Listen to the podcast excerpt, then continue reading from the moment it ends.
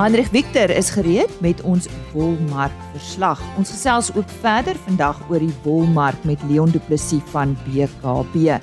Wolveilings het nou wel in Augustus vanjaar hervat, maar die mark bly op en af.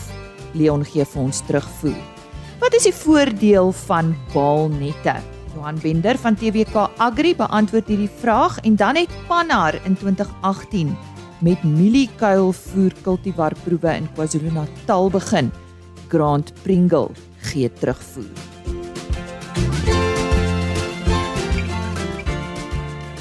Wanneer jy kan uitsien vir oggend in RSG Landbou.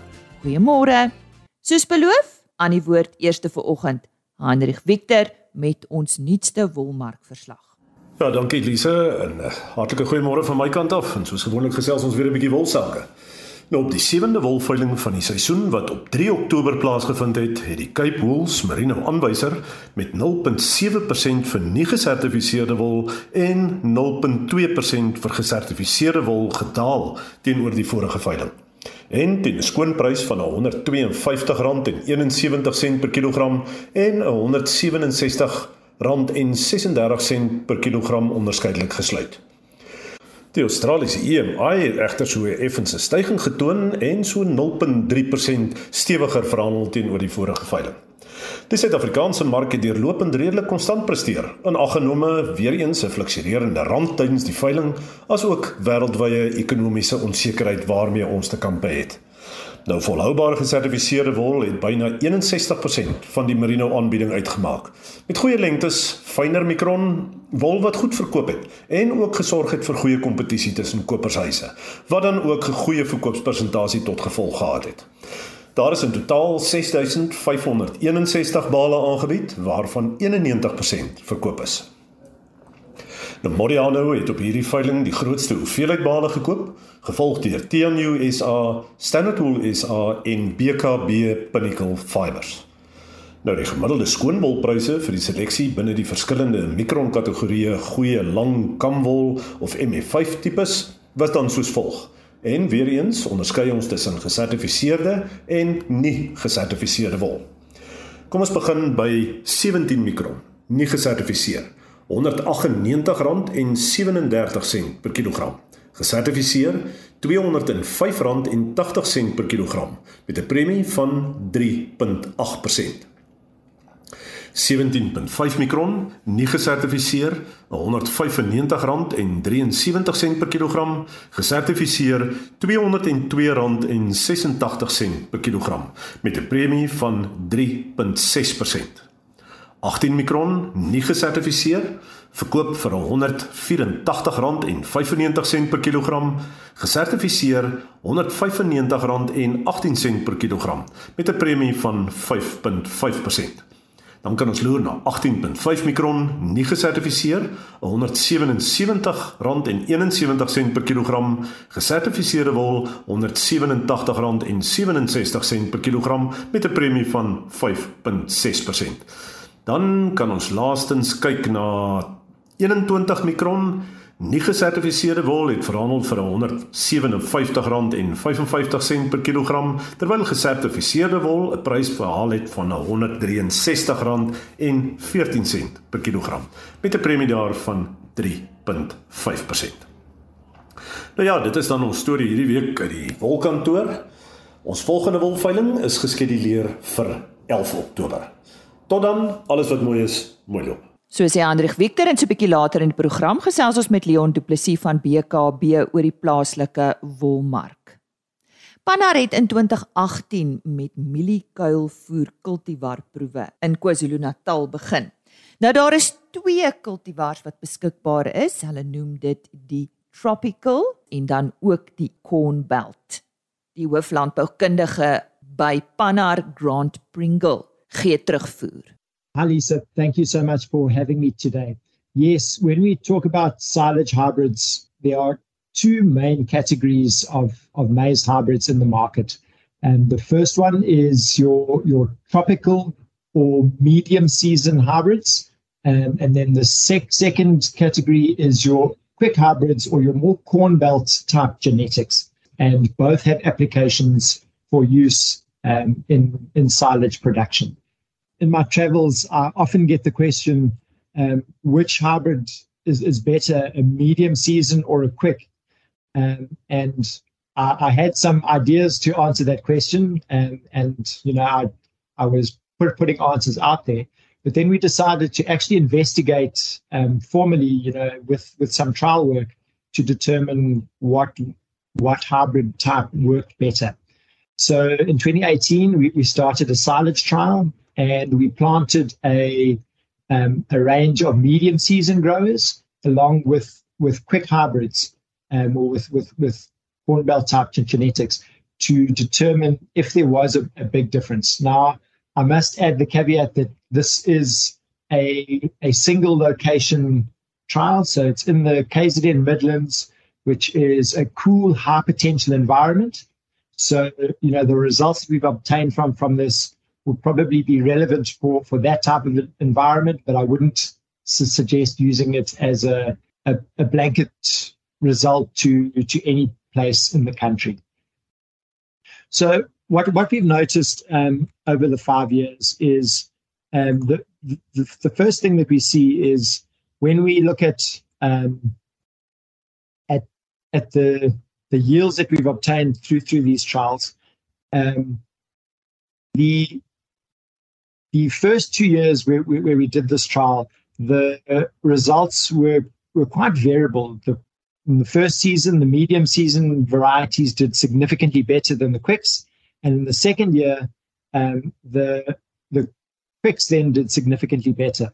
And the main reason for this was at that stage, we were planting the medium season varieties first, and then 20 days later, we would plant the quicks so that we could then have a single harvest date.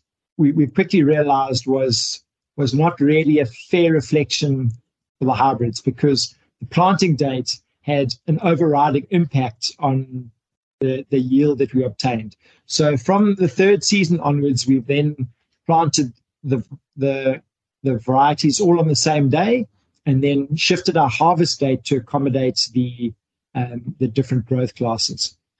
So what we see in the first two seasons is some significant yield variation, mainly attributed to planting date. And from the third season onwards, the varieties perform exceptionally um, similarly, despite the, the, the, the different growth classes. So, um, you know, that for, for, for, me is quite an important uh, aspect because it shows us that the the season or the environment under which the hybrids are growing seems to have an overwhelming influence on the on the performance of, of the hybrid, not necessarily the growth class per se. So over the years, we've looked at um, the, the, some of the quality parameters as well to see whether there's a difference between the quicks and the mediums in terms of um, the, the the feed value or, or the quality that the farmer is going to extract from that um, different hybrid. And primarily what we see is that the quick hybrids tend to have a higher starch percentage. And, and this um, is almost in, in, intuitive because the, the quick varieties tend to be your higher grain yielding varieties in a high potential environment. So with with the conditions that we have, one would expect that your quicks would be giving you more grain, and obviously the grain um, relates back to your starch percentage in, in your silage. So that's probably the main difference that we've seen across the, the, the trial is that the yields are very similar um, if we plant them on a similar planting date and manage um, for the, the, the, best possible yield but the quicks tend to give us a slightly better quality silage because of their higher starch value. Grant Pringle van Pannar wat vanoggend terugvoer gegee het oor hulle mielie kuilvoer kultivar proewe wat in 2018 reeds begin het daar in KwaZulu-Natal en uh, vir meer inligting besoek www.pannar.com As jy nou eers ingeskakel het, goeiemôre. Jy luister na RSG Landbou. Baie welkom. En nou vind ons meer uit oor baalnette en gesels met Johan Bender. Hy's bestuurder mekanisasie by TWK Agri. Johan, ja, goeiemôre. Wat is 'n baalnet en waarvoor word dit gebruik? Ja, môre Elise. Uh Ja, uh, baalnette ehm um, is nou al rukkie in Suid-Afrika al. Ehm um, dit word maar hoofsaaklik gebruik vir ehm um, om baal. Jy kan weet jy verskillende uh toewend. Jy kan hom gebruik vir familiereste, kan jy baal. Jy kan natuurlik ook grasse, verskillende grassoorte wat jy wil baal. En ehm um, ja, so dit is maar waarvoor jy hom kan aanwend. Wat is die voordele van baalnette? Ja, daar is verskillende voere. Weet, ehm um, die twee maniere wat hulle maar gewoonlik met baal is natuurlik baaltou en baalnet. So die verskillende wat ek maar net wil uitwys is is die ehm um, die daar's verskillende faktore wat tussen baaltou en baalnet en baie meer ehm um, kliënte beweeg uh, na baalnette toe. Jy weet, ehm uh, daar dis 'n vinnige tydbesparende operasie. Ehm uh, dis 'n drastiese brandstof en slytasievermindering wat jy kan um, op jou op jou jou uh, masjinerie. Ehm uh, jy het minder hooi verliese natuurlik met 'n net want hy het 'n beter bedekking as 'n as 'n bal tou. Ehm um, en dan is die jou baalstruktuur is ook beter natuurlik met die hantering daarvan en die verberging want baie kere baal hulle net hulle en dan skuif hulle dit mos maar ehm um, van die land af na 'n stoor of na 'n 'n spesifieke area. En dan is dit natuurlik beter waterdigtiging en dan jy uh, minder uh, buitenhuise verliese. Ehm um, ja, dit is maar jou jou jou voordele ehm um, teenoor 'n baaltou en 'n baalnet. Dan ek dink as ek vir 'n bietjie vir 'n bietjie verder praat oor die uh aksies, uh, die die hoe kan ek vinniger baal aksies, jy weet, jy het, het slegs 8 sekondes nodig om 'n baal net te bedek. Jy weet, waar jy teenoor 24 sekondes met tou. So dit is definitief dis waar ek inkom met die vinnig besparende uh operasie. En dan op 1000 bale beteken dit 2.2 ure staantyd om baal net om te draai teenoor 6.6 ure met tou. So die toubaler werk 4.4 ure langer as 'n netbaler om dieselfde 1000 bale te te maak en dit is weer eens waar ek terugkom na jou slytasie. So wys jy net met hoeveel jy hoe meer jy maak, hoe beter is jou jou slytasie op jou op jou ehm um, op jou baler teenoor ehm um, teenoor baaltou. En dan praat ons dan nie weet van die weet die brandstof en ehm um, die tyd van arbeid en en dan natuurlik die slytasie slytasie waarvan ek gepraat het. Jy weet, dis alles kostes vir vir die kliënt wat meer meer jou meer wat jy meer voor betaal wat jy eintlik nodig het nie, net om om te skakel oor te skakel na val net toe. Johan selfs by kuilvoer is dit voordelig. Want dit gaan hier oor spoed, né? Hoe vinniger hoe beter. Ja, 100%. Ehm um, uh, by met met met met kuilvoer is dit 'n hele ander operasie amper. Jy wil hom amper meer rap. Ehm um, so jy wil hom half baal en hom rap want omdat hy nog in 'n in 'n natterige vorm is. So en waaroor gaan kuilvoer is jy wil die suurstof inhoud so veel as moontlik vas in om die digtheid so jy wil hom baal en jy wil hom dadelik rap. Ehm um, en hom mooi genoeg rap Uh, dis belangrik dat baie kere by die bal nette en die wrapping moet jy ouens seker maak dat jou jy jou, jou genoegsame draai op op die bal sit. Jy weet um, om daai stigtheid te behou en selfs met die wrapping met kuilvoer, maak seker daai bal word deeglik gerap. Jy weet dat hy toe is, dat die suurstof in binne bly en en en dat jy leeftyd langer het op jou voer. Kom ons gesels oor die materiaal wat gebruik word. Dis sekere vorm van plastiek en die Afrika son is nie vir sissies nie. Nee, 100% Lise. Ons het uh, die nette wat ons inbring wat ons ook meeste meeste verskaffers in Suid-Afrika ook verkoop, het 'n het 'n 'n UV of 'n UV ehm standaard van tussen 12 na 14 of dit van dit kan meer hê, juis vir ons Suid-Afrikaanse toestande want ons weet dit uh, raak baie hittig met sekere gedeeles van van ehm um, Suid-Afrika en ek dink dis net belangrik dat dit ehm um, dit moet in in wees in daai net. Ehm um, so dit is gewoonlik op die net sal daar ook vir jou sê wat is die UV 12 maande 24 maande of wat ook al dit is. Ehm um, so dis belangrik dat die ouens dit kyk dat hy die regte nette koop ehm um, vir die toestande ook. En dis belangrik ja. dat ja en en hoe hy dit moet die bal rap aksie ag die bal net aksie ook moet hy moet seker maak sy draaie is reg. So moet produsente maar op die pasoppens wees vir balnette wat se kwaliteit nie so goed is nie. Nee, definitief. Ou moet seker maak daarvan want dit is belangrik. Ehm um, jy wil jy wil nie hê dat in jy byvoorbeeld jy nou baal en dan weet kom jy agter weet 6 maande later begin jou baal uitmekaar uittrek nie. Weet dit is nie wat jy wil hê nie want dan dan beteken dit jy gaan weer ekstra kostes. So is belangrik dat jy die regte baal net koop ehm um, en seker maak jou draaie is reg vir watse produk jy wil hê want as dit by mieliereste kom is 'n baie harder grower produk. So jy wil seker maak jou draaie is meer en dat hy dat hy deeglik gesteel is. Jy weet laat hy nie later aan uitkom nie. En as jy nie die regte produk koop nie, kan hy jou dalk in die steek laat as jy hom want baie mense stoor maar in die son ook.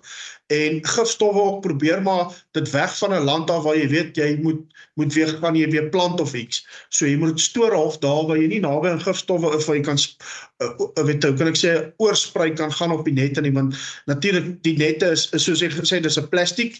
Um, en dit saam met son en 'n bietjie water en reën hy is maar hy maak maar die nette brosserig, jy weet, dan begin gaan jou bale ook oop pop en als. So dis belangrik dat jy die regte produk koop, uh, met die regte toestande vir die weer en vir alles, ja. So gesels Johan Bender, hy's bestuurder mekanisasie by TWK Agri en vir meer inligting indien jy met hulle wil gesels www.twkagri.co.za.